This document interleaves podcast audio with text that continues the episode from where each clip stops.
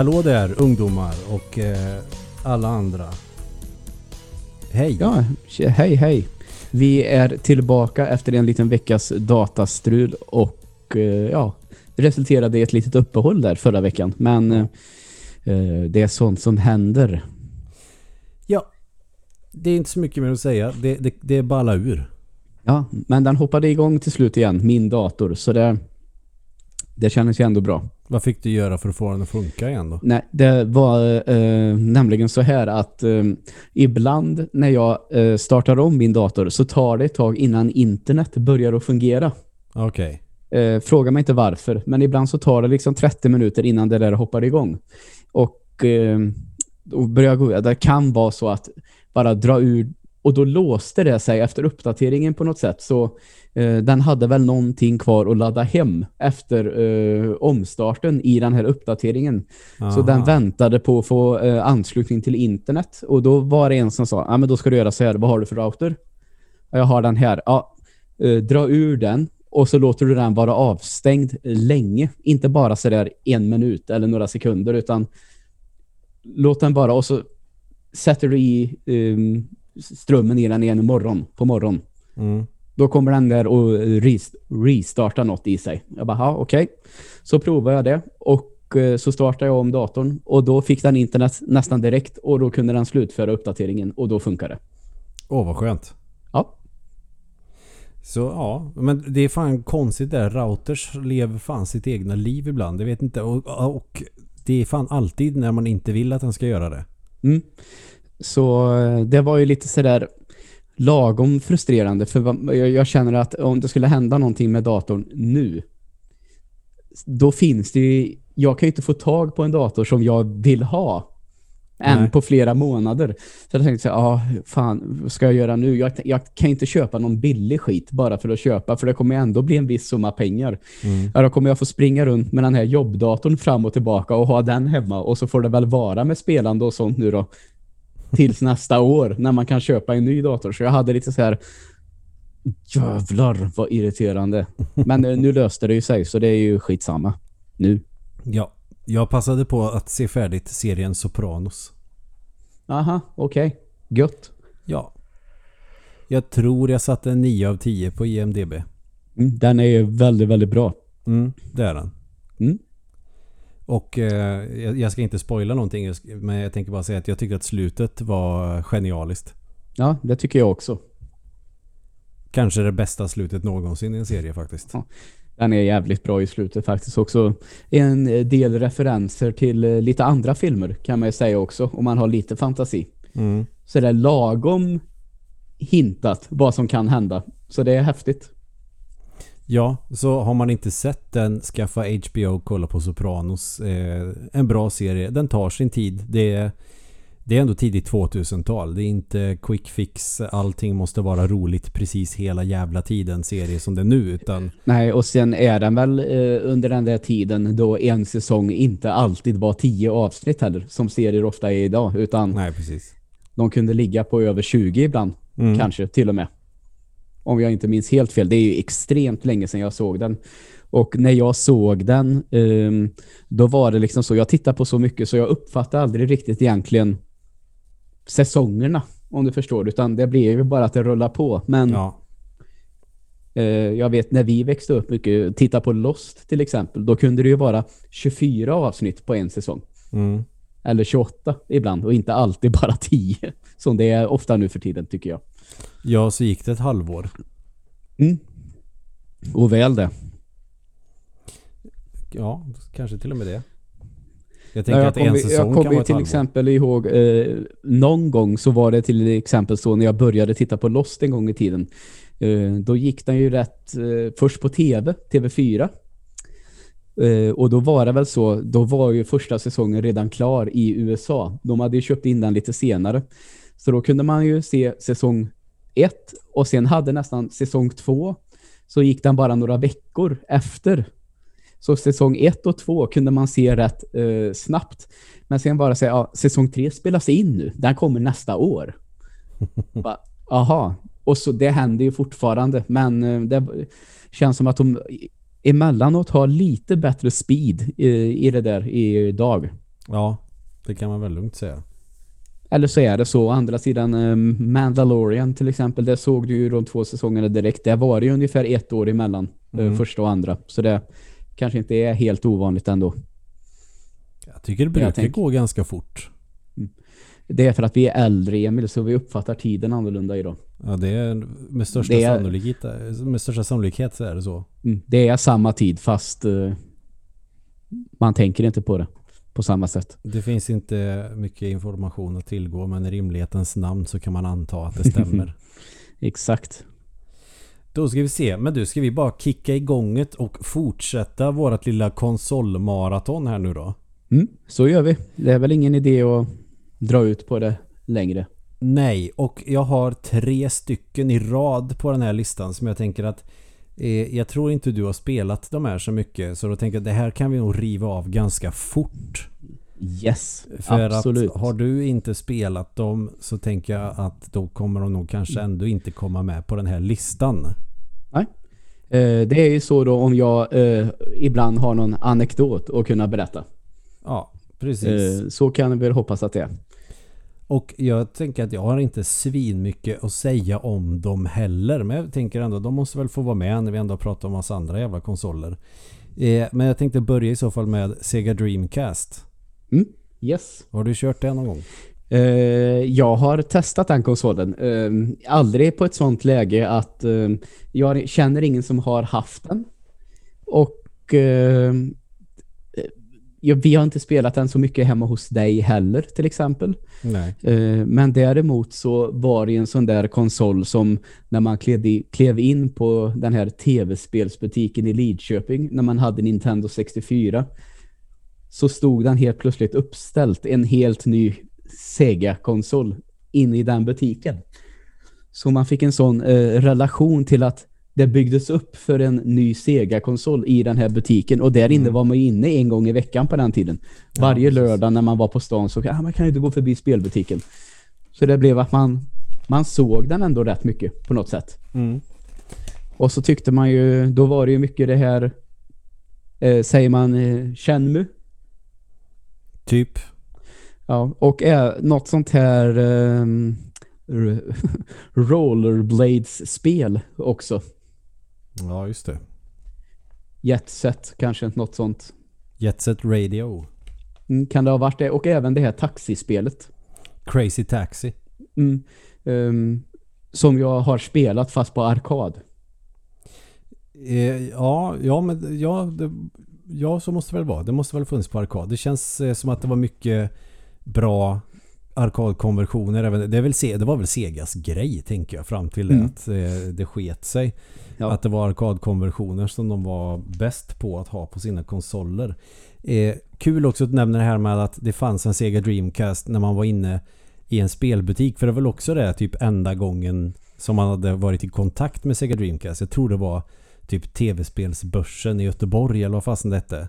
Mm. Som fanns i Nordstan där man tar en rulltrappa ner och så hade de en jävla massa tv-skärmar i väggen som såg Ja. eh, lite flottigt ut. Eller flådigt ut menar inte flottigt. Eller, Ja, flottigt var det säkert också. Ja, många som hade petat där. på dem Ja, med precis. chipsfingrar. Ja. Exakt. Eh, Men då vet jag att då var det var så imponerande. Så här, oh shit, de har 128-bit tv-spel Ja. här nu. Exakt, den känslan var det ju. Fast hela Bits-hypen eller hela Bits-grejen var väl rätt jävla stendöd efter att Atari fuckade upp med sin Jaguar. Mm.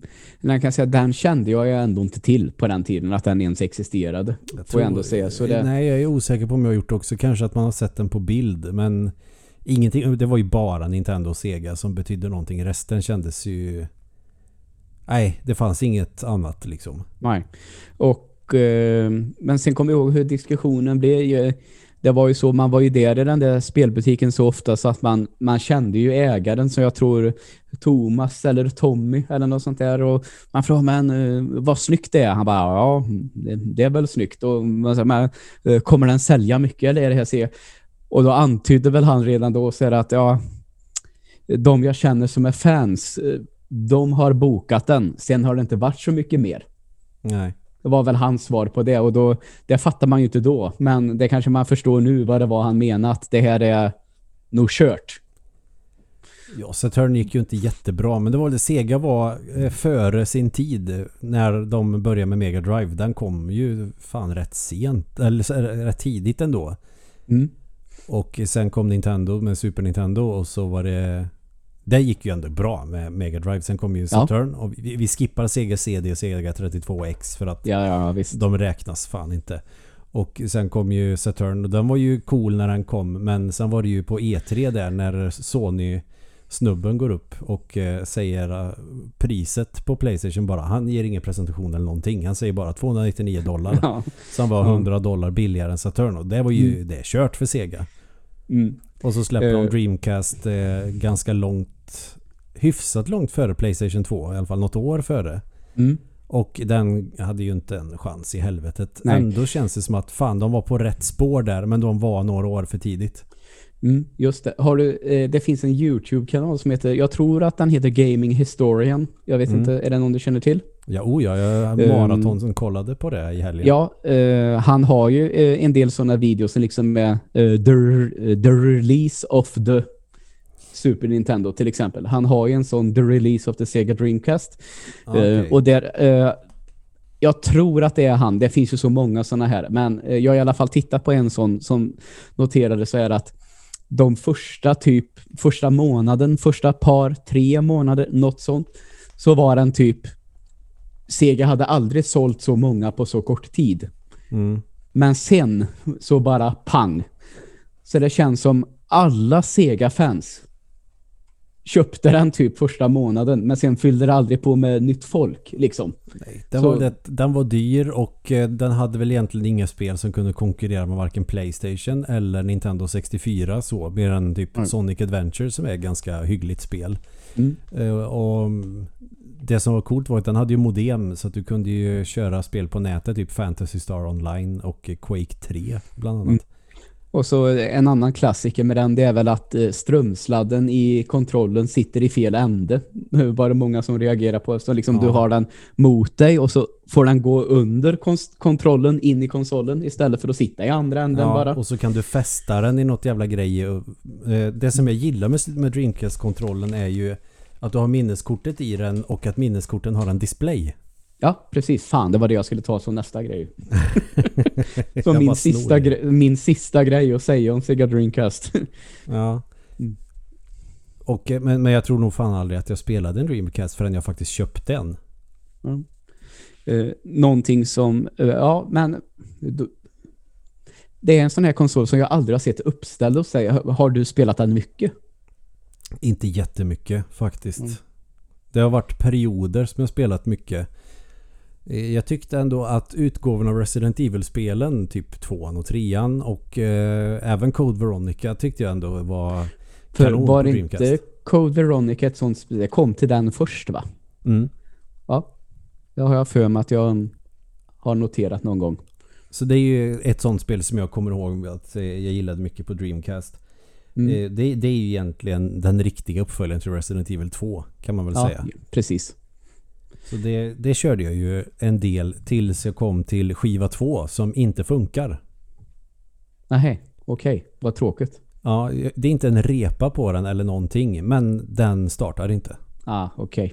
Eh, sen har jag också uppfattat det som att det är ganska många som...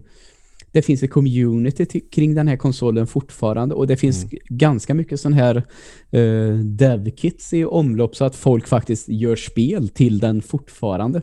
Mm. I alla fall så vet jag det kanske, eftersom tiden går så jävla fort nu för tiden, det kanske är rediga tio år sedan jag hörde att det kommer spel till den fortfarande. Så det kanske har dött av nu, det vet jag inte men Jag har Under lite väldigt- svårt att tänka mig det. Det kom ju något sånt där spel som släpptes till eh, Sega Mega Drive för inte så länge sedan som är som eh, Smash TV. Nu har jag glömt vad det heter och det är väl inte det som är det viktiga men det vet jag ju att det också kom till Sega Dreamcast.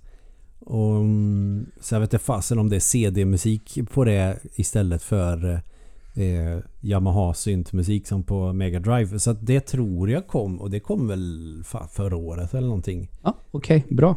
Men jag kommer för mitt liv inte ihåg vad det heter. Men en del sådana där uh, homebrews eller inofficiella spelsläpp har ju kommit på Dreamcast. Så att, och den är ju en väldigt tacksam softmod-maskin. Att man grejar mycket med den och sånt där. Att Mm. man kunde installera Windows på den eller det var lätt att piratkopiera skit på den eller sådana där grejer. Så att jag tycker ändå att det är en eh, konsol som eh, är väl värd kärlek såklart. Ja. Gött. Sen första spelet jag spelade var Soul Calibur. Det var ja, det tyckte jag väl var he- helt okej. Jag har aldrig varit jättestort fan. Jag tyckte Soul Blade var coolt eh, på 90-talet. Men sen Det- tror jag nog att det där eh, dog av för mig. Det tror jag var ett sånt här, eh, jag har spelat på Nintendo 64, något av de här Soul Calibur-spelen när man slåss med stora vapen. Mm. Tror jag var så mycket att jag spelade hos min granne en helg när han hade hyrt det. Ja. Så det är den relationen jag har till den spelserien. ja, det är väl också är det det jag... man kan, kan man kasta ner varandra från fightingbanan på det typ? Ja, sån ring out. Ja, men då måste det ha varit det. För det finns väl på 64 också tror jag. Det kanske Något gör. av dem. Ja, jag är osäker, jag vågar inte säga någonting om det. Eh, däremot så vet jag i alla fall att eh, det gick inte att spela Battle Arena Toshinden efter att man hade spelat Soulblade i alla fall. För det var så jävla mycket vassare. Okej. Sen finns det ju ett gäng shoot em ups också. Det ska jag inte fastna i för mycket. Men en del, min personliga favorit är Giga Wing. Det tycker jag är kanonroligt. Ja, okej. Och eh, sen eh, ett shoot em up som jag tror ändå är någon form av klassiker. Om inte annat en kultklassiker. För det finns ju att köpa på PC på Steam också. Och det är ju Ikaruga. Ja, okej. Mm. När man växlar mellan svart eller vit sköld eller svart eller vita Ah, skott och sådär. Ja, då förstår jag. Ehm, då vet jag vilket eh, det är. Så det är svårt som fan. Men ändå coolt koncept tycker jag till ett shoot 'em up. Eh, För att det finns ju så jävla många. Sen gör det ingenting om de liknar varandra. För det är ju kul spelgenre. Men det tycker jag ändå att de lyckades få en twist i det som blev eh, riktigt rolig. Ja, och jag ska bara eh, slänga in det här lite nu. Jag gjorde en liten googling och skrev Soul Calibur Nintendo 64 och nej, det var inte det jag spelade. Nej, då... Men tydligen så är det eh, det som kommer upp då, som är lite likt det, det är Maze, The Dark Age. Så det är möjligt att det har Ja, varit det det. känner jag till. Ja, det var nog det. För det är också sån här uh, fightingspel med uh, tillhyggen. Mm. Så det var nog så då istället.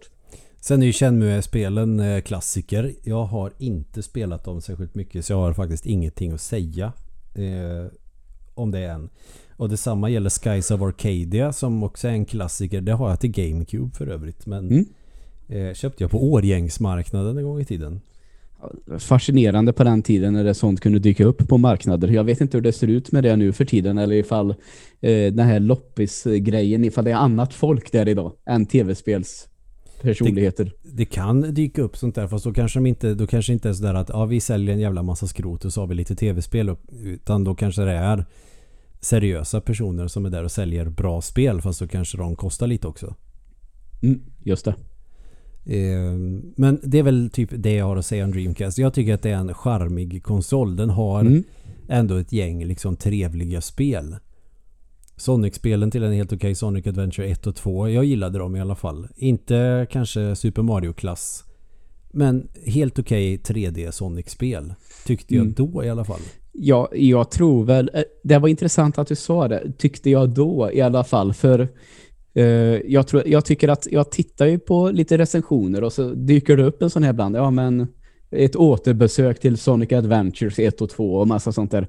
Och då tycker jag att det är många som liksom säger, liksom har sådär, ja, jag tyckte att det var uh, fantastiskt och sen säger de, ah, it's okay I guess Mm. säger de idag. Alltså så det känns som, men man får inget egentligen riktigt bra svar på vad det är. De har väl kanske inte åldrats så bra. Det är väl lite som eh, många säger med eh, de här 3D-spelen som kom där tidigt Ja. när det var så att det är vissa saker som känns föråldrade idag och det har väl drabbat om Sonic-spelen också, verkar det som. Så Sega Dreamcast ger jag C i betyg. Mm. Eh, det är väl eh, när man som jag har hört vad du säger nu och har lyssnat på vad andra säger ett, tycker jag, ett ganska förväntat betyg och rimligt betyg på Ja. det man har hört. Det känns mer som en kultkonsol än någonting som faktiskt hade en jättestor betydelse som kanske Mega Drive hade. Ja. Och då kommer jag också... Det här tänker jag ska försöka vara lite snabbare här gången. Sega Saturn har vi sen ju också. Ja visst, vi tar väl den också då. Och den, Här kan jag säga Mm. noll koll på den här konsolen egentligen. Det här har jag aldrig sett eh, IRL och aldrig spelat IRL. Mm. Mer än att jag har en gammal kollega som sa Fan, hade inte jag en sån? och det kanske säger allt. Ja, den eh, dog ju verkligen ut när Playstation blev en stor grej. Plus att den var ju rätt kass på att hantera 3D-grafik om man jämför Mm. med Playstation. Däremot så var den fucking överlägsen på att hantera 2D-grafik. Mm. Men det var ju ingen som ville ha 2D-grafik eh, där i mitten på 90-talet längre. Så vill Nej. du spela fräscha 2D-spel, ja då måste du ha japanska importer för det är där guldklimparna finns. Och då är det Ja. ju shoot em ups och det är eh, fighting-spel som Street Fighter Mm. till exempel. Och sen vet man ju, eh, man kan ju tycka att det är tråkigt att det blev så, men när det blir såna här trender, när saker blir en stor grej, då är det ju det som den stora massan vill spela. Det är ju bara så, tyvärr. Ja, och då blir det någon halvkass version av Tomb Raider eller Resident Evil man får Men köra. eh, för den sakens skull, det här tror jag att vi pratade om om det var i en Castlevania special eller om det är att vi har pratat bara om Symphony of the Night någon gång. Eh, om den är det här eh, 2D-monstret som vidare, hur är Symphony, Symphony of the Night på Sega Saturn i jämförelse med ja, Playstation då? Ganska, eh, det är sämre är det. Mm. Det är ju ändå fascinerande att det lyckas att vara sämre när den är en sån, den typen av maskin. Jag tror att spelet är fejkad 2D. Om jag inte minns helt fel så är Mm. det platta polygoner. Aha, okej. Ja, då fanns det ett ganska eh, lätt svar på det då. Ja. Jag tror att det är så. Plus Ja. att eh, det är lite så specialeffekter med transparens i grafik och sånt där som inte finns eh, på Saturn. Så då ser det ju rövigt ut.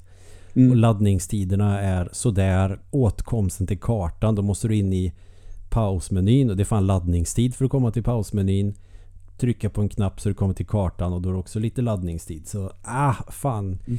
Det som är kul med Sega Saturn-versionen är att du kan köra som Maria och att det finns lite nya ställen som inte finns i Playstation-versionen. Mm.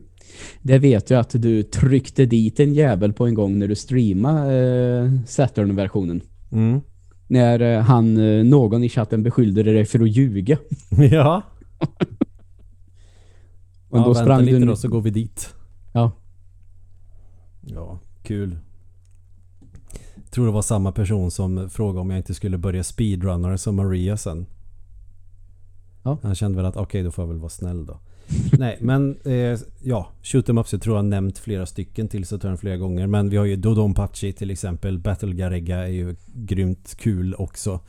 Eh, Radiant Silvergun är ju en klassiker. Mm. Men det är väl namedroppa. allihop eh, eh, schmups va? Mm. Mm. Det känns också som en jävligt stor grej. Men det kanske har att göra med det du sa att eh, japanska importer, de är väl stora i spelen. Eh, de är väl stora i Japan, de spelen. Så. Ja. Så Saturn skulle jag nog ge ändå ett C i betyg också. Ja. Titlarna som är bra och som är japanska importer och i 2D är jävligt bra ofta. Ja. Eh, sen kan vi ta snabbt. Jag bara river av ett gäng. Ja, jag bara tänker, eh, jag, hade jag inte en fråga till om eh, Saturn? Kör, kör då. Ja, men fan vad det föll bort. Skitsamma, vi lämnar den. Ja, och dyker upp sen får du väl ta det. Eh, Ja, absolut. Sega igen då. Sega Master System. Känns också som en konsol som eh, det fanns. Eh, men, och eh, fanns i tidningar och sånt där. Eh, men jag tror att just då så fanns nog bara Nintendo. Även om Sega var populärt i Europa framförallt. Kanske mest England tänker jag. Mm. Eh, om man jämför med 8-bit-systemen i alla fall. Så var det i England hade du nog knappast ett Nintendo 8-bit. Då hade du nog Sega eller Aha. Atari eller Amiga eller en Commodore-dator. Ja, du ser. Okej. Men eh, Eh, det- Och här är det återigen en konsol jag kan eh, säga väldigt lite om. Mer än att jag på senare år när jag har börjat att titta en del på sådana här YouTube-kanaler med eh, ja, både till viss del Angry Video Game Nerd men kanske mycket det här är GameSack. mm, Eh, där en av, ja han som har det själv nu. Eh, de var två från början, nu är det bara en. Han är en riktig, riktig Sega-nörd och har ju eh, pratat en del om eh, den här konsolen och jag tycker att den är galet snygg. Ja, den Själva första design- varianten är ja, den- grymt snygg. Mm, så jag tycker att designen på den, det, nu kommer jag inte kunna säga så mycket mer tyvärr, men, men as snygg konsol, som du sa, den första som kom. Mm. Och det jag tror att det är den som de allra flesta tänker på kanske.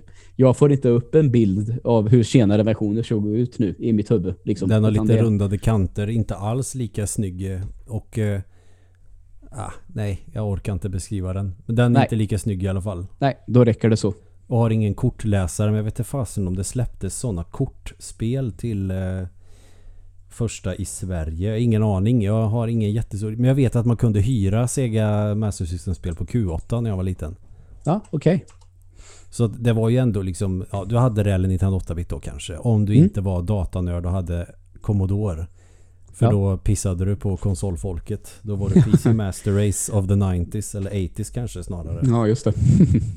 Och eh, här har ju... Den har nog spelat ganska mycket på. Senast var i höstas tror jag så spelade jag ett, en ganska cool castlevania kopia som heter Master of Darkness. Okej. Det är ganska roligt faktiskt. Mm.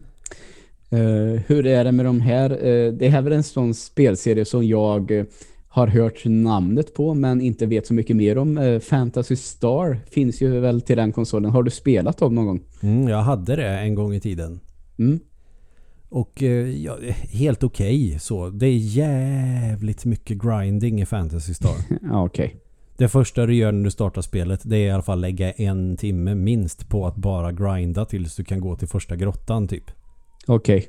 Men då är det ju sån här 3D som det kan vara. Mm. 3D-labyrintspel Ja, som precis. västerländska rollspel för den tiden. Som är ganska snyggt ändå. Eh, lite grönaktigt va, ibland. Färg så. Jag Mm. tror jag är en sån klassisk bild jag har, ser framför mig nu. Och eh, det får man väl ändå säga med Segas 8-bits konsol att grafiken är ju eh, kanon på den. Mm. Många färger och sådär som eh, Nintendos 8-bitare bara kunde drömma om. Ja. Men den Okej. känns ändå lo-fi på ett helt annat sätt. Jag vet inte vad det är. Grafiken är egentligen ganska mycket snyggare kan jag tycka. Mm. Eh, men jag tror att det är eh, ljudkortet eller som låter eh, lite sprakigt. Det låter lite... Ja, det låter rätt B gör det. Ja, okej. Men sen finns det ju ett sånt ljudläge, PCM eller vad fan det heter. Någonting, någon sån här bokstavskombination som ska vara något ljud tjosan. Eh, så att det låter som, den här, som en liten Yamaha-synt. Som, Ja. det, det finns en sån i eh, Mega Drive också. Plus ett ljudchip för samplingar om jag inte minns helt fel. Ja, okej. Så det var väl det då, men det låter inte superbra. Tycker jag heller. Eh, inte på de spelen som har stöd för det till Master System i alla fall. Men Master of Darkness, eh, helt okej. Inte alls lika bra som Castlevania men ändå en bra kopia om man inte kunde spela Castlevania. För att man inte hade ett Nintendo då i alla fall. Eh, Bara lite återkoppling. eh, Just det här med Fantasy Star. Jag fastnar lite i det jag känner. Vad har hänt med den serien? Det, jag Ja, vet, det kom ju det här online också. Det känner jag ju till. Till Dreamcast för övrigt tror jag. ja, Men eh, det är inget som är på G igen eller spe, fin, uppdateras det eller jag vet inte. nej så jag vet att det fanns på GameCube också. Mm. Eh, men det kan vara så att Fantasy Star Online till eh, Sega Dreamcast, jag gissar nu för att det var länge sedan jag hörde om det. Men det var ju de som ändå höll spelet vid liv med att ha privata servrar eller vad man ska kalla det. Ja, just det.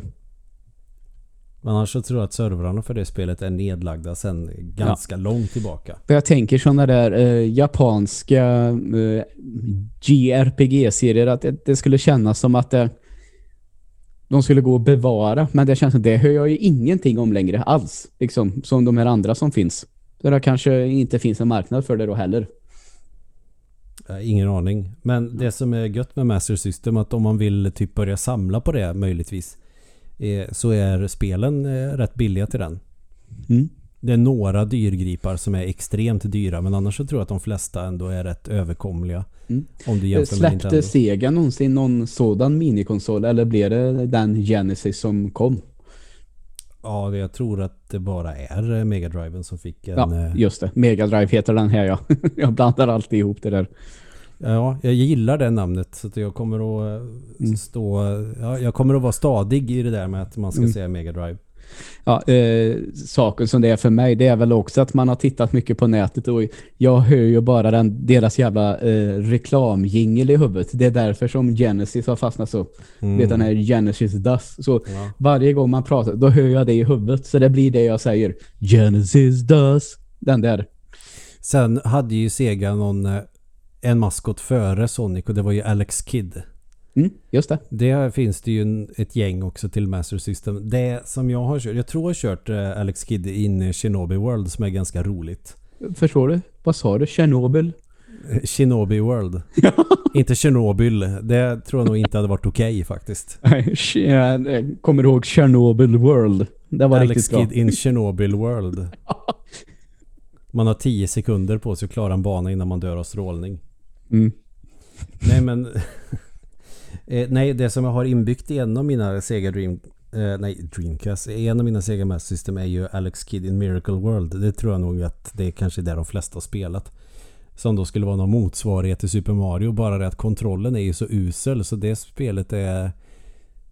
I kontrast då till Super Mario som är eh, perfekta kontroller. Så tycker jag nog inte att de två spelen är jämförbara med varandra. Och var Nej. nog fasen inte det på den tiden heller. Nej. Men eh, trevligt spel att testa skulle jag väl säga. Men eh, ah, inte skitbra.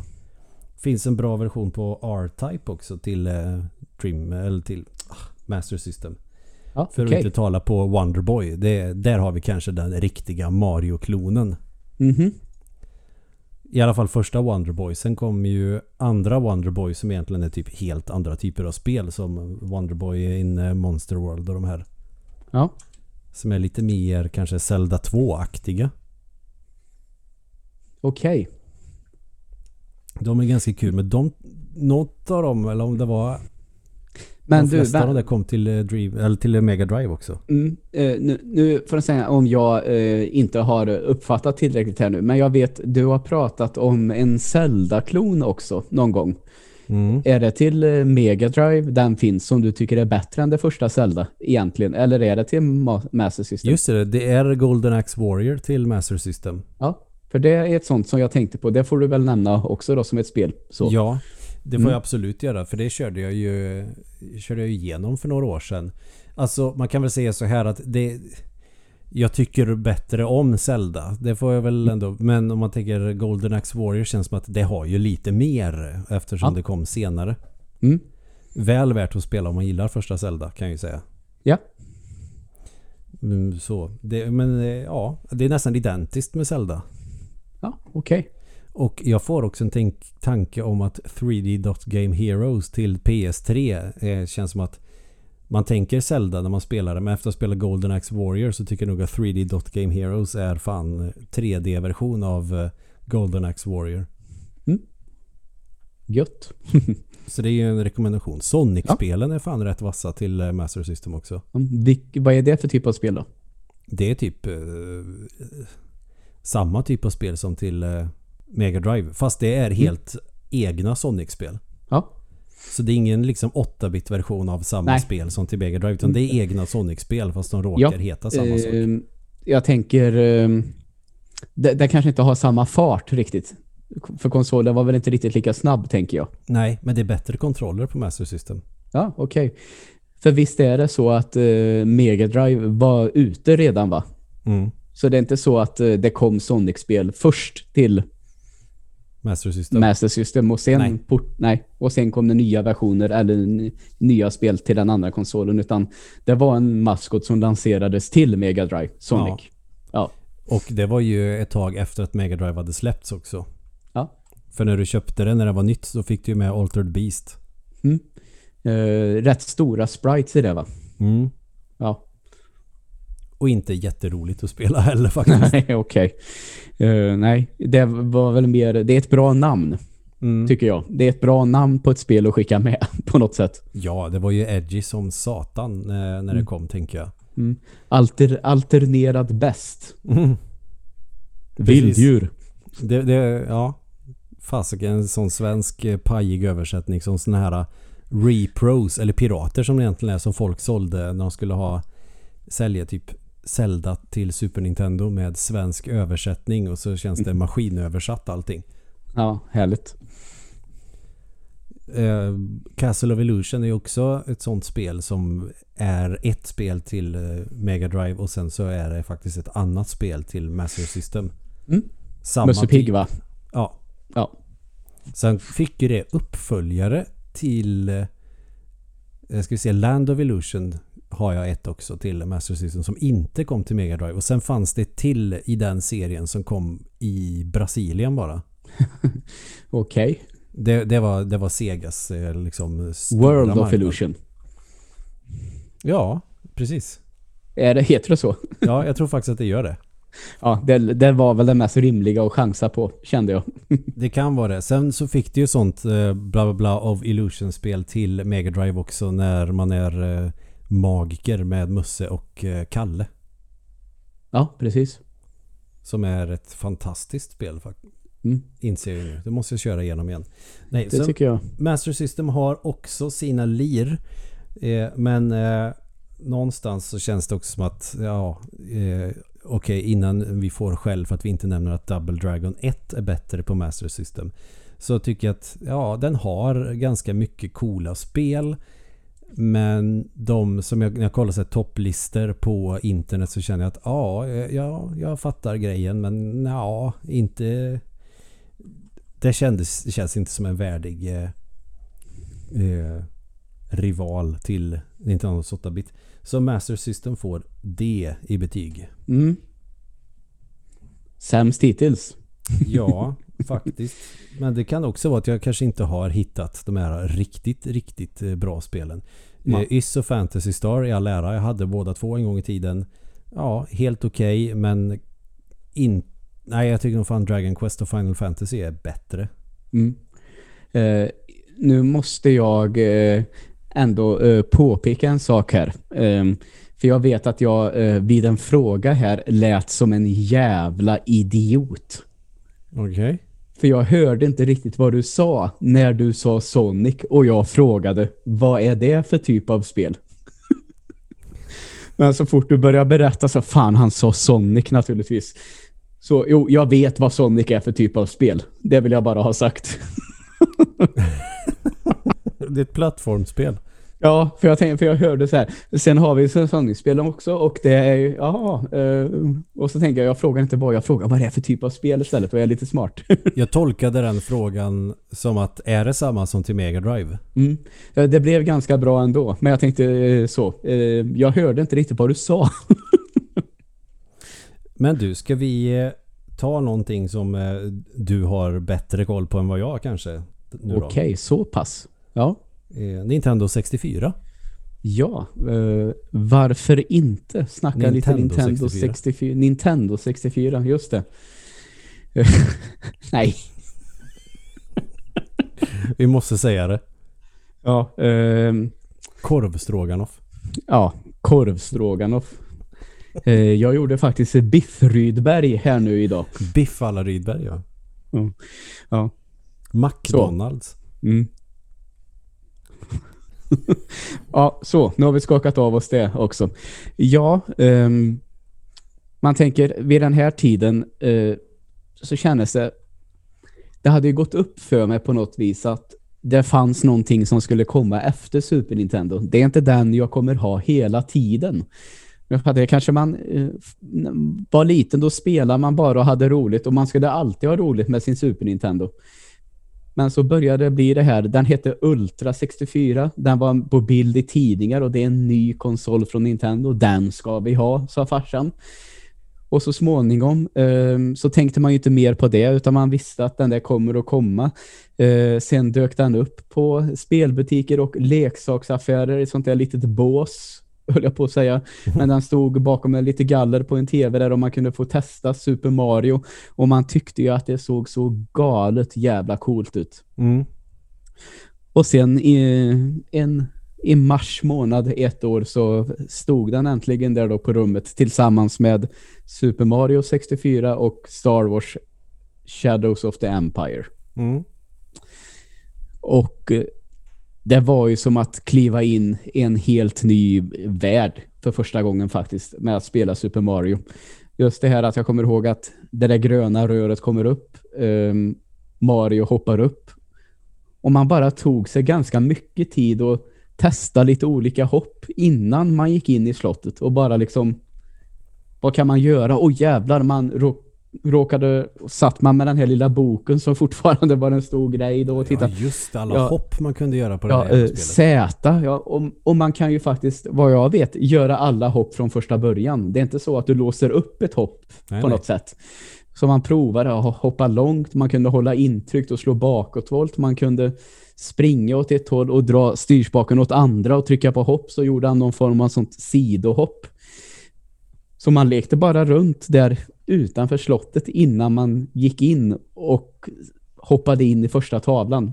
För det tror jag att alla känner till att banorna är i tavlor på det här som liksom... Ja, och att eh, du ska leta efter stjärnor också på varje, i varje mm. värld så att säga. Precis. Och där är det ju sånt så, du, du låser inte upp hopp men vissa stjärnor går ju inte att ta direkt utan du kanske behöver Eh, en uppdatering du får senare till exempel. Och li lite sånt kan det ju vara ibland. Kanonerna till exempel. Eller mm. Eh, hatten ja, eller det här, ringar. Ja, exakt. Um, så det finns ju lite olika sådana uh, grejer i det som uh, ökar spelvärdet får man väl ändå säga. Um, om vi börjar där, uh, det var ju det första 3D-spelet som jag spelade på riktigt i alla fall. I alla fall i den med den typen av karaktär kan hända att man hade testat lite Doom och sånt där och det går väl att ifrågasätta om det är riktigt 3D. Jag såg det kom en sån artikel senast häromdagen på FZ men låt oss säga att det är en 3D-shooter då ändå. Ja. ja, uh, så i alla fall att springa runt med en gubbe med så bra kamera som man, och kontroll som man ändå tyckte att det var då. Det var ju någon, en helt ny upplevelse. Och har ändå åldrats ganska bra också för att vara ett 90-tals 3D-spel. Absolut, det går inte att säga någonting Eller om det. Eller åldrats jävligt bra kan jag tycka. Ja, jag det kan man väl... Eh, eh, ja, det kan jag väl märka ibland att eh, eh, kameran kan ju fastna bakom objekt och så vidare ibland. Och ibland så får man till exempel springa mot kameran. Idag kanske kameran hade vridit sig och lagt sig bakom till exempel. Så att man mm. alltid hade haft eh, sett spelet så. Men jag tror att det är redan på första tavlan vet, när man ska springa upp för det där berget. Mm. Uh, där beter sig kameran vad man kan tycka idag kanske lite annorlunda. Den rör sig med dig runt berget ibland så här, på mm. något sätt. Det är lite svårt att förklara utan att visa. Men, men den hänger ändå med på ställen där mm. man vill att den ska hänga med. Så det känns ja. ju genomtänkt och eh, ändå som att de har lagt mycket tid och omsorg på att det där ska funka så bra som möjligt. Ja, verkligen. Och man får, det var ju deras första försök och att lyckas så bra på sitt första försök det är ju helt otroligt egentligen. Mm. Um, så ren och skär Nintendo-spelglädje i alla fall med Super Mario. Och um, jag kommer ihåg här, jag måste ju varit typ tio år när det här kom. Uh, Nintendo 64 där någonstans. Och jag kommer ihåg också att det var verkligen en sån här konsol som alla i min ålder, mina polare hade. Och alla hade hämtat den den här första dagen. Så att man liksom kunde eh, se grannen. Ja, nu, nu kommer Jesper och Christer hem. Nu har, de, nu har de hämtat sin konsol och så pratar man lite sen. Ja, vad ska du göra? Jag ska spela nu. Ja, hur långt har du kommit? Ja, jag har fått tre sådana här stjärnor. och då kan man gå till en annan tavla. För det står ja. det liksom på dörren hur många stjärnor man behöver för att öppna. Och så vet det blir den här Och undra vad det blir för värld nu. Ja, um, och det är ju ett extremt smart sätt att göra det på. Att uh, tänka tavlor. Då kan man tänka, ja, här är slottet. Uh, begränsad miljö kanske om vi bara ska vara i slottet. Ja, ah, men vi gör så här, vi kör på tavlor. Mm. Då kan vi göra precis vad vi vill. Uh, så cool grej. Det finns ju alla de här klassiker med undervattensbanor kan man ju kalla det ändå då. Och vanliga gröna. de här... Ja, ökenbana och öken och, eldbana och allt möjligt. Mm, och is då, som är bland det värsta som finns naturligtvis. Ja, fan isbanor. Vem var det som kom på den idén egentligen? Mm, att det ska vara halt och jävligt heter katastrof. Ja, jag vet inte om det finns något spel där jag gillar isbanorna sådär jag gillar, jag gillar stämningen i isbanor i spel men att eh, springa runt med en karaktär i isbanor är ju fan, det är ju en plåga alltså. Mm. Nej men alltså mm, det, var, det kändes ju som att precis när den här kom, den här konsolen, så kändes det ju fortfarande, nu är Nintendo verkligen störst, störst, störst igen. Sen får man väl säga, det blev väl inte riktigt så med Nintendo 64 trots allt, utan Nej. de drabbades väl också av succén från Playstation. Svårare än så är det väl inte. Men Och att de hade ändå, kassettbaserade spel också. Ja, det är en sån här klassiker att de eh, inte körde på skivor då. Så att eh, dels så leder de väl lite av rent lagringsmässigt naturligtvis. Och att eh, det är ett dyrare medium att tillverka. Mm. Men det tänkte man ju liksom inte på då, utan Nej, tv-spel var... var ju tv-spel. Alla andra mm. hade ju kassett. Det var väl inget konstigt. Nej, exakt. Och sen eh, har jag pratat om att min granne hade hyrt det där fighting-spelet på Nintendo 64. Lite samma sak blir det väl för min del här. Att eh, det här att hyra spel gjorde vi rätt mycket. Jag och pappa. Så det, det hände ibland att man åkte hyra tre filmer och så eh, när man väl var där så stod man och tittade lite på Nintendo 64 och då var man så här man ville inte fråga får jag hyra ett spel. Men man ville att pappa skulle säga du kan hyra ett om du vill. Ja, man försöker göra saker som att titta mycket på det eller stå nära och, och granska ja. fodralen och titta på bilderna på baksidan noggrant och mm. sånt där. Och så kanske mm. man får frågan. Ja, och vi gjorde inte det super, super mycket. Men ett sånt eh, spel som jag tror en del som räknas som väldigt bra till konsolen idag. Och eh, det är det här, jag vet inte om jag brukar säga fel, men jag har alltid sagt Blast Corps. Ja, jag tror att man säger bara Blast Core. Ja, okej. Okay. Uh, kan vara att jag läste fel när jag var tio år och så har det hängt kvar. Liksom. Men det står ju RPS. Jag var inte förrän jag var vuxen som jag fattade att aha, man säger core bara. Ja, okej. Okay. Om det inte är ehm. förkortning på corporations då, tror jag. För att det säger de ju i Cyberpunk. Då säger de ju Corps. Mm, just det. Men jag tror Core, alltså som är Marine Core till exempel. Mm. Ja, okej. Okay. Ja, ja, i alla fall. Eh, jävligt häftig idé i det spelet. Det är väl Rare som har gjort det tror jag va? Mm. Eh, det är en ja, en, en, lastbil kan man kalla det med ett stort kärnvapen på som rullar genom en värld. Jag tror vi har pratat om det här i podden ganska några gånger i alla fall. Mm. Men så om den här lastbilen kör in i någonting så exploderar atombomben och eh, ja, banan är förlorad. Och då ska du med olika eh, fordon eh, rensa vägen. Eh, liksom dels ibland konstruera en bro lite snabbt genom att flytta någonting kanske. Eller då med en jättestor eh, ja, robot hoppa sönder byggnader. Det finns också någon form av, eh, nu kan jag inte vad fordonet heter, jag säger grävskopa som liksom röjer ner allt i sin väg. Um, och det här är ett sånt spel, det är väldigt taktiskt nästan, och strategiskt. Uh, uh, hade rätt svårt för det idag, men det, det, är ett sånt spel som jag hoppas skulle dyka upp på någon sån här jävla rare collection på Game Pass eller något sånt mm. där. Så att de kunde porta det så att man fick testa det idag. För jag vet att jag hade en Nintendo 64-emulator en gång i tiden på PC som, äh, ja, på PC som fungerade väl helt okej. Okay, men det gick inte att överföra Nintendo 64-kontrollerna på ett bra sätt till en dosa som använder idag. Det var helt hopplöst. Nej. Så eh, det, det, just det spelet gick tyvärr inte att spela idag, kände jag. Det här orkar jag liksom inte med, kände jag. C-knapparna liksom hamnar inte på rätt sätt och sådär.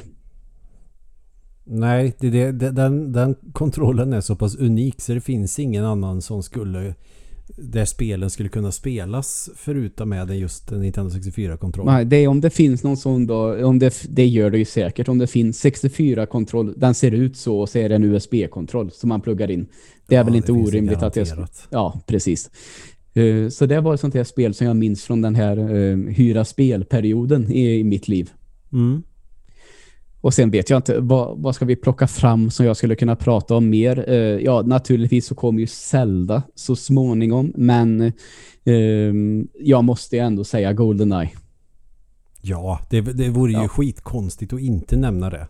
Ja, Um, och framförallt då hur många gånger man bjöd över polare och körde multiplayer och mm. liksom kunde vi kunde köra så ja men nu kör vi eh, en match och då får du välja vilket, eh, vilka vapen vi har.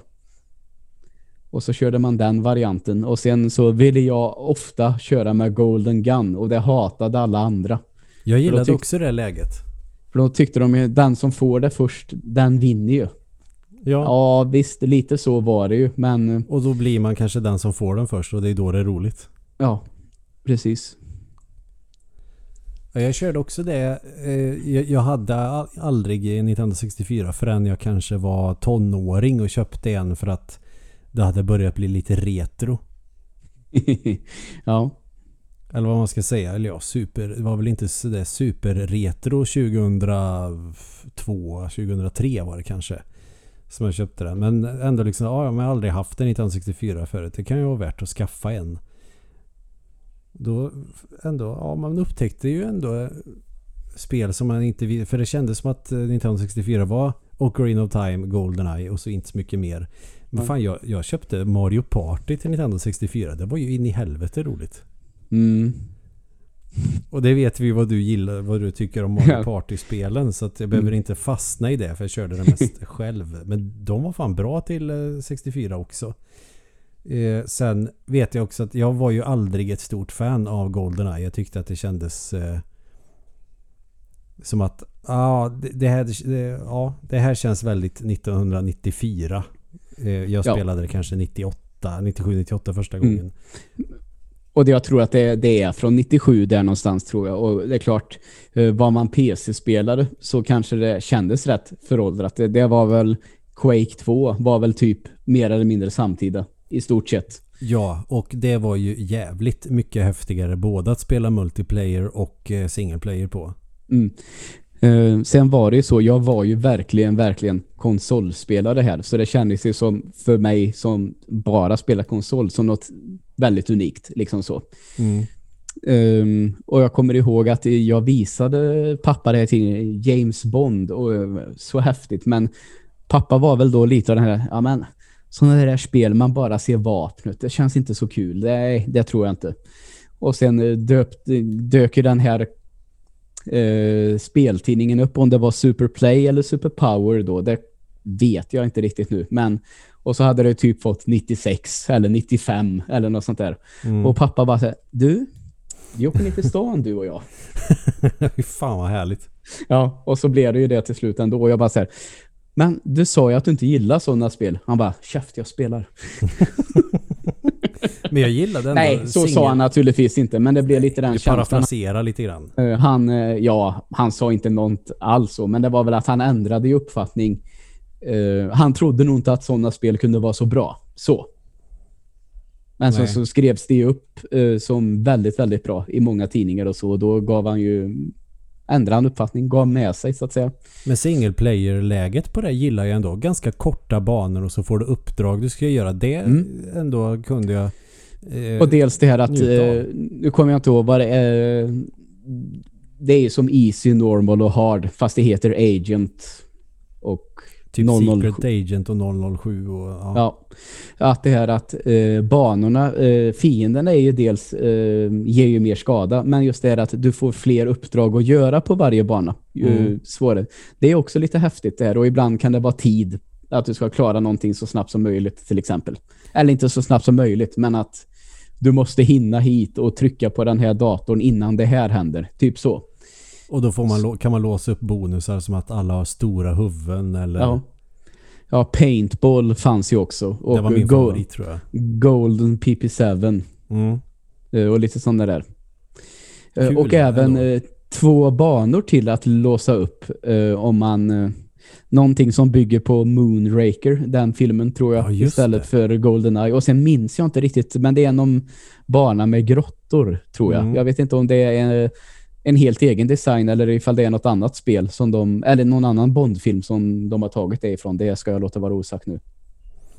Nej men GoldenEye tror jag nog att jag hade lite kul med då i alla fall när jag körde single player-läge för att det var kul att spela med en handkontroll men eh, jag var nog mer eh, wowad av till exempel Turok the Dinosaur Hunter för att mm. det var blodigt. Det var nog fan det det hängde på. Mm. Och eh, så körde jag en del Duke Nukem 64 också. Ja just det. Tänkte jag, "Vad fan det här var ju nice. Det här är ju mycket Eh. coolare än Goldeneye. Ja, apropå för att stanna kvar lite i Turok, det har jag spelat på PC. Det följde väl med på Humble Bundle någon gång tror jag. Både Turok 1 och Turok 2. Och det jag framförallt tycker att det första är verkligen ett sånt här Where the fuck do I go kind of games. Ja. Alltså helvete vilka märkliga banor. Alltså det är tyvärr så i stort sett ospelbart. Vi, jag körde det ju på Nintendo 64 när vi skrev eh, C-uppsats och inte orkade plugga utan spela tv-spel och eh, söp istället. Då körde vi Turok the Dinosaur Hunt och tänkte också på det. Det är helt omöjligt att hitta någonstans. Vad fan ska man ha någon jävla nyckel för att öppna någon buske? Det var så här, va? Ja, eh, ungefär så. Och jag kommer ihåg att jag tror att jag kom längre än vad jag någonsin gjorde på 64-versionen.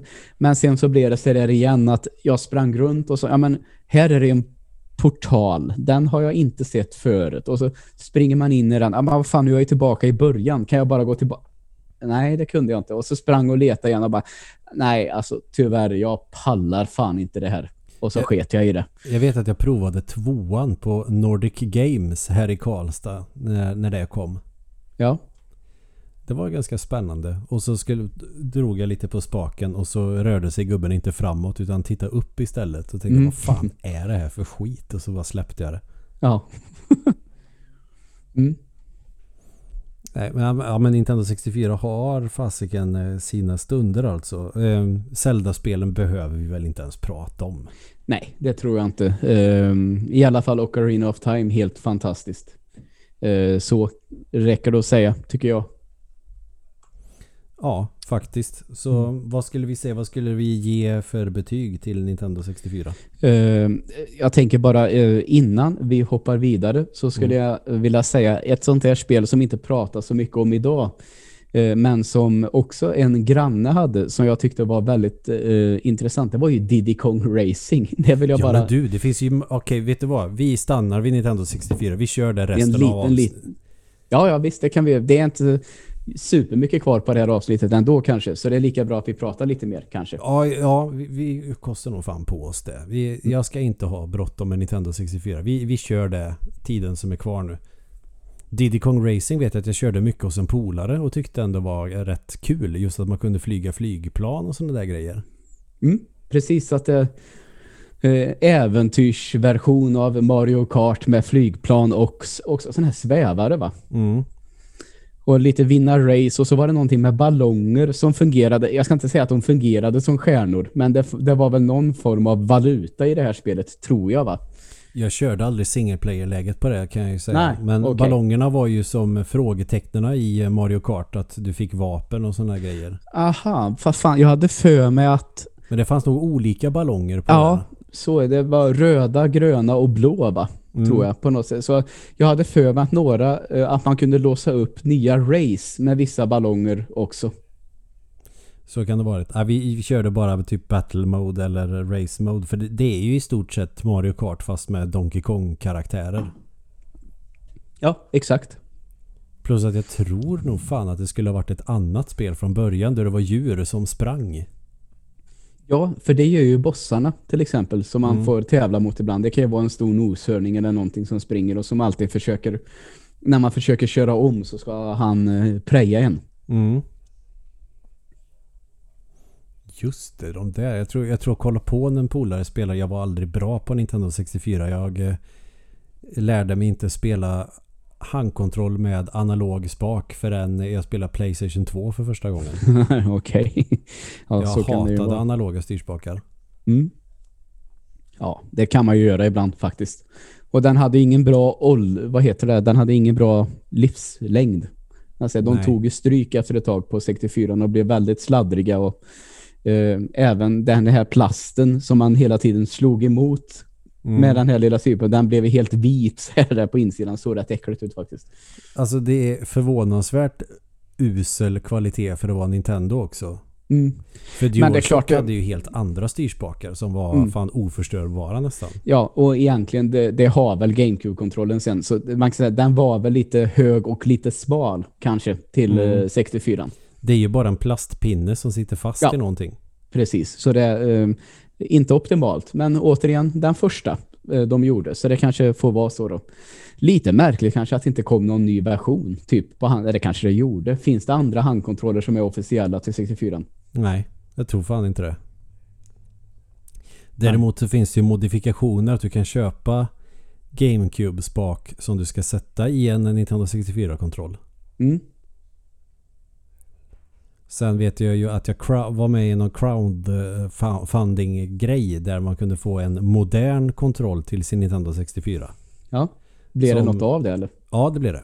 Ja. Eh, De heter väl Retro Fighters tror jag och Ja, säljer okej. sådana kontroller nu. Liksom att det Mm. finns. Och De har gjort Dreamcast-kontroller och lite allt möjligt. Så jag tror att det går att köpa i affär nu sådana kontroller. Mm. Men då så var det crowdfunding. Ja. Eh, Och då fick jag en sån kontroll. Eh, typ prototyp. Eh, det vill säga styrspaken fastnar lite i eh, L-knappen eller L-triggern är det till och med på dem. Ja, ja, okej. Och känns lite plastig. Men ändå kul grej att ha. Mm. De kanske har, de har nog garanterat bättrat på de där sen dess. Ja. Ehm, har du någonting mer sånt här spel du tänker på till 64 än du? Som är lite så här mer obskyrt? Som du har kört? Ja, jag vill minnas att jag körde ett spel som heter Mischief Makers. Mm. Som var ett eh, plattformspel faktiskt. Sånt eh, typ 2,5D. Ja. Eh, men det kommer jag knappt ihåg något av. Jag vet att jag spelade det men jag kommer inte ihåg så mycket av det. Och så spelade jag även ett, eh, jag tror faktiskt att det var till Nintendo 64, ett fighting-spel. Det här var ju när... Det, jag vet inte, det var väl överlevarna av Mortal Kombat-hysterin där så var det ju ett spel som hette Biofreaks. Okej. Där man kunde ha alla möjliga konstiga karaktärer. Det var någon gubbe som hade någon typ av svärd in i bröstvårtorna. Det såg fruktansvärt otäckt ut. Och så var det Ja. någon annan gubbe som hade en kulspruta. Och eh, så var det ju blodigt som fasen och fatality och sånt där. Det kommer jag ihåg. Jag tyckte ändå var ganska balt. Men jag tror det var sådär. Man kör igenom det några gånger och så reflekterar man inte över det. För att eh, jag hade även möjlighet att spela Killer Instinct Gold. Som eh, jag tyckte då var helt fantastiskt. Just det. Som var, vad ska man säga, det var, det var också Rare. De gjorde ju massa coola spel på den tiden. Mm. Första Killer Instinct vet jag att jag körde lite på Super Nintendo och tyckte det var ballt att det var Street Fighter fast kändes som att det var mer Nintendo fast det var det inte, det var Rare. Men Rare och Nintendo kändes som att de hade ganska tight relation på den tiden. Och Ja. Killer Instinct Gold kändes ju som att eh, här har vi samma typ av spel fast allt är mycket bättre. Ja. Och så hade jag en polare som jag satt och gapade när han satt och spelade det. Han var exceptionellt grym med karaktären Glacius. Okej. Isgubben och när jag bara kollade på hans fingrar på den här jävla handkontrollen så bara flög de fram och tillbaka svinfort och han gjorde ju liksom ultrakombos som en annan brer mackor ungefär. Ja. Det var en upplevelse kan jag ju säga att se det där. Det var helt sanslöst. Ja, det kan jag tänka mig. Ehm, vad var det jag tänkte på? Det var ju någonting mer. Jo, jag måste faktiskt också prata bara lite, lite om uh, Perfect Dark. Mm, mm. Ehm, som är eh, den, kan kallas spirituell uppföljare till uh, Goldeneye. Mm. Ehm, ingen Bond-licens längre, men ett helt eget eh, spel i samma anda. Eh, agenter och massa sånt där. Och lite utomjordingar och allt möjligt. Ehm, det här spelet, det är nog det som jag har sett fram emot mest på ett sånt jävla larvigt sätt. För det blir ju försenat många, många, många gånger. Hela tiden. Flyttades fram och flyttades fram. Men till slut så sa det, ja, nu är det spikat. Det kommer om två månader. Typ. Vet du vad jag gjorde då? Nej. Jag gjorde så här. Jag tog, då vi säger att det var 60 dagar kvar. Mm. Då tog jag A4, A4-papper, 60 stycken, och skrev 60 hela vägen ner till noll. Och la på mitt skrivbord. Och varje morgon när jag vaknade så gick jag fram och drog bort det. Fy fan vilken härlig historia ändå. Då ser man fram emot ett spel. Det var som Ja, jag så jag gick upp på morgonen, tände och så, och så drog bort så här, ah, 47 dagar kvar och så la man bara undan det pappret. Fan vad kreativt ändå. Ja, eh, visst. Absolut. Du, jag tror fan jag har det på en kassett här i hyllan någonstans. Mm.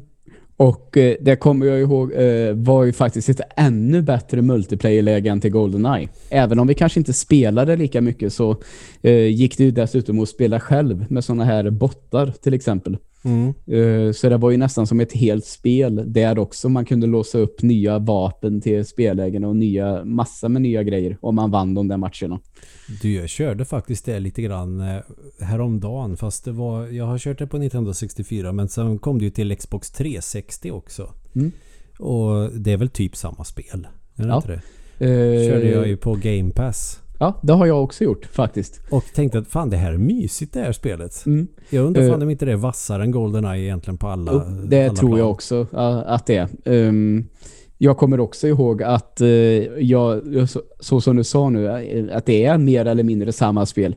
Men när jag hade spelat några banor så gick jag tillbaka och kollade på en sån här eh, gameplay-video från Nintendo 64. Mm. Och det får man säga, de har jobbat lite med den grafiska biten i alla fall. Det Ja, det har skulle de man gjort. kunna säga. Ja.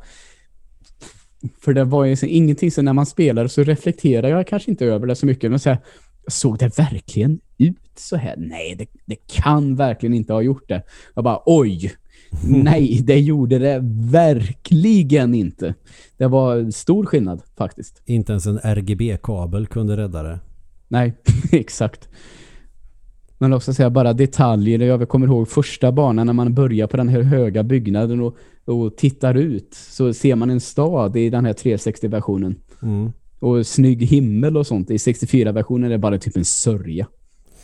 Är det ungefär som skillnaden mellan Halo till gamla Xbox och eh, remaken?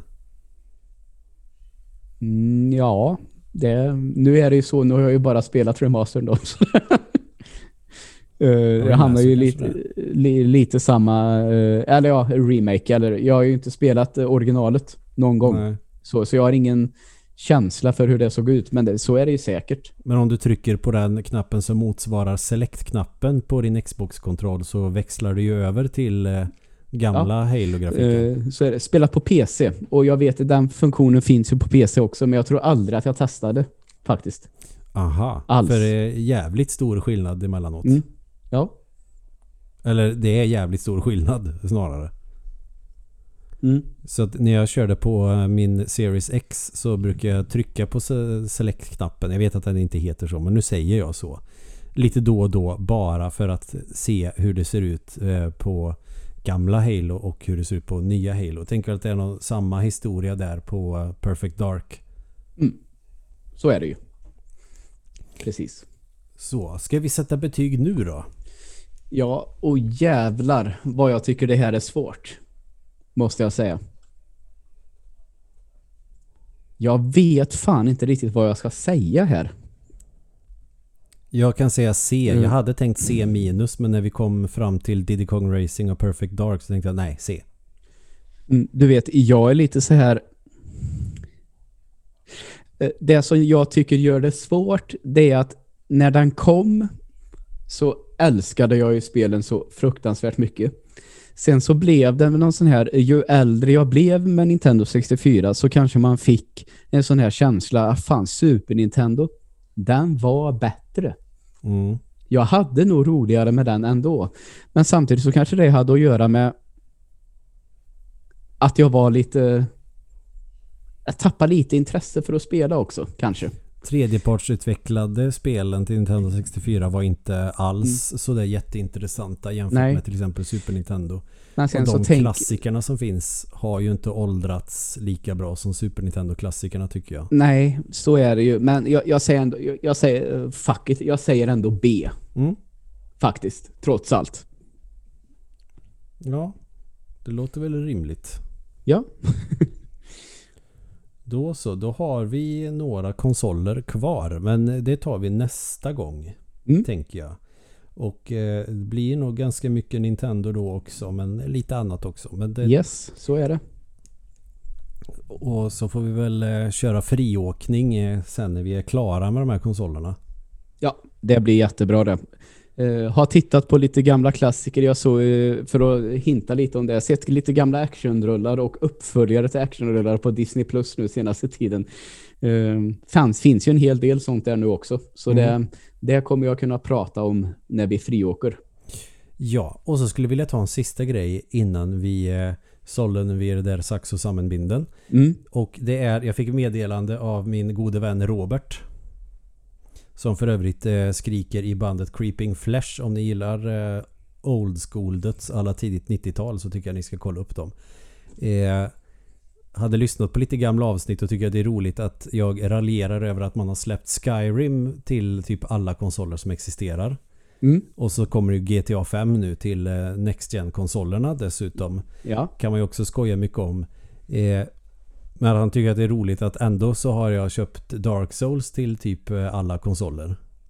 När ja, de har släppts om. Eh, och att jag då skulle vara lite inkonsekvent där. Och eh, jag håller med. Det, det, är faktiskt det. Och jag kanske ska backa lite med Skyrim-grejen också. För nu har jag ju köpt Skyrim och kört det igen. Och ändå tycker att ja men vad fasen. Kommer en special edition av Skyrim så tycker jag väl att ah, det var faktiskt jävligt roligt. Så mm. ja. Sen tycker jag kanske att ibland eh, blir det konstigt när man släpper samma spel till typ alla konsoler. Ja, Men jag jo. tror inget spel hittills har slagit eh, James Pond 2 Robocop. Okay. Som ja. har släppts till eh, allt från Amiga och typ alla konsoler som fanns då och som har kommit fram till Switch. Helt jävla sanslöst. Och jag vet inte om ni hörde att jag suttit och prasslat lite och att dörren öppnades för Jag har nämligen fått ett litet paket eller ett brev. Ja, eh, det enda jag, så, eh, jag kan säga, eh, jag såg att du fick något, har inte hört något prassel, så tänk inte på det. ja, nej, men nu prasslar det lite för jag ska Ja, det är helt okej. Okay. Nu ska vi se här. Jag har fått ett brev. Apropå då att jag är inkonsekvent och köper alla Dark Souls-spelen till allting och eh, gnäller på Skyrim. Och ja, där har Robert en sån jäkla poäng. För nu har jag nämligen köpt Dark Souls Trilogy till Xbox One så att jag kan spela det på min Xbox Series X. Ja, perfekt ju. Fast jag redan har köpt till PS3, PS4 och PC och Switch. Ja. ja, det gör väl inget. Nej, det här är spelet som jag spelar om då och då. Och nu vill jag ha lite Xbox Achievements också kanske. Så. Mm. Och de var dyra som fan att köpa digitalt. För digitala utgåvor och spel är ju snordyra. Mm. Absolut, det kan jag hålla med om att de sticker iväg lite väl mycket i pris ibland. Resident Evil 8 köpte jag för en 500-lapp. Mm. Fysiskt, kolla vad kostar det digitalt? Typ 800. Ja, du ser. Det är ju inte värt det alls. Nej. Nåväl, så då har jag köpt i alla fall. Mera Dark Souls. Så att ja. Så jag tar tillbaka mina raljanta kommentarer för att jag är inte konsekvent och jag tycker ju faktiskt att det är kul att spela om spel. Så vad fan, då är det klart man ska släppa dem på andra konsoler. Mm. Så det får nog backa lite nu för att det är också vanligt att man gör det också. Ja. Tänker jag. Switch ja. är väl fan också mästare på att släppa alla Wii U-spel till den. Ja, eh, så är det ju. Men eh, det gör inget. Nej. Jag tycker att det är kul att spela om spel. Så då är det bra att man gör remakes och eh, släpper om spel som ändå har åldrats bra. Så man kan finslipa och så kan man spela dem igen. Eller så kanske en annan generation som inte spelade dem till de gamla konsolerna. Som kan spela dem på nya. Jag tycker att det är bra. Absolut. Är det så. Och det är väl där också som vi tackar för oss tänker jag. Ja, ehm, och som vanligt, ni vet var ni kan höra av er till oss om ni vill. Facebook, absolut lättast. Eh, mm. Finns en Instagram också. Eh, vad länge sedan vi sa, fyrkantiga nollgång, tror jag mm. att den heter fortfarande. Ja, uppdaterar den då och då. Jag mm. Eh, försöker faktiskt aktivt att inte använda sociala medier, så därför är jag långsam där. Mm för att eh, jag är gymnasielärare, det är maj månad. You figure the rest. ja, just det. Ja, eh, men återigen som vanligt, tack så mycket för att ni lyssnar på oss. Det är jätteroligt att ni gör det fortfarande. Superkul. Eh, så ses vi, höll jag på att säga. Vi hörs i alla fall nästa vecka igen. Ja, ha det gött.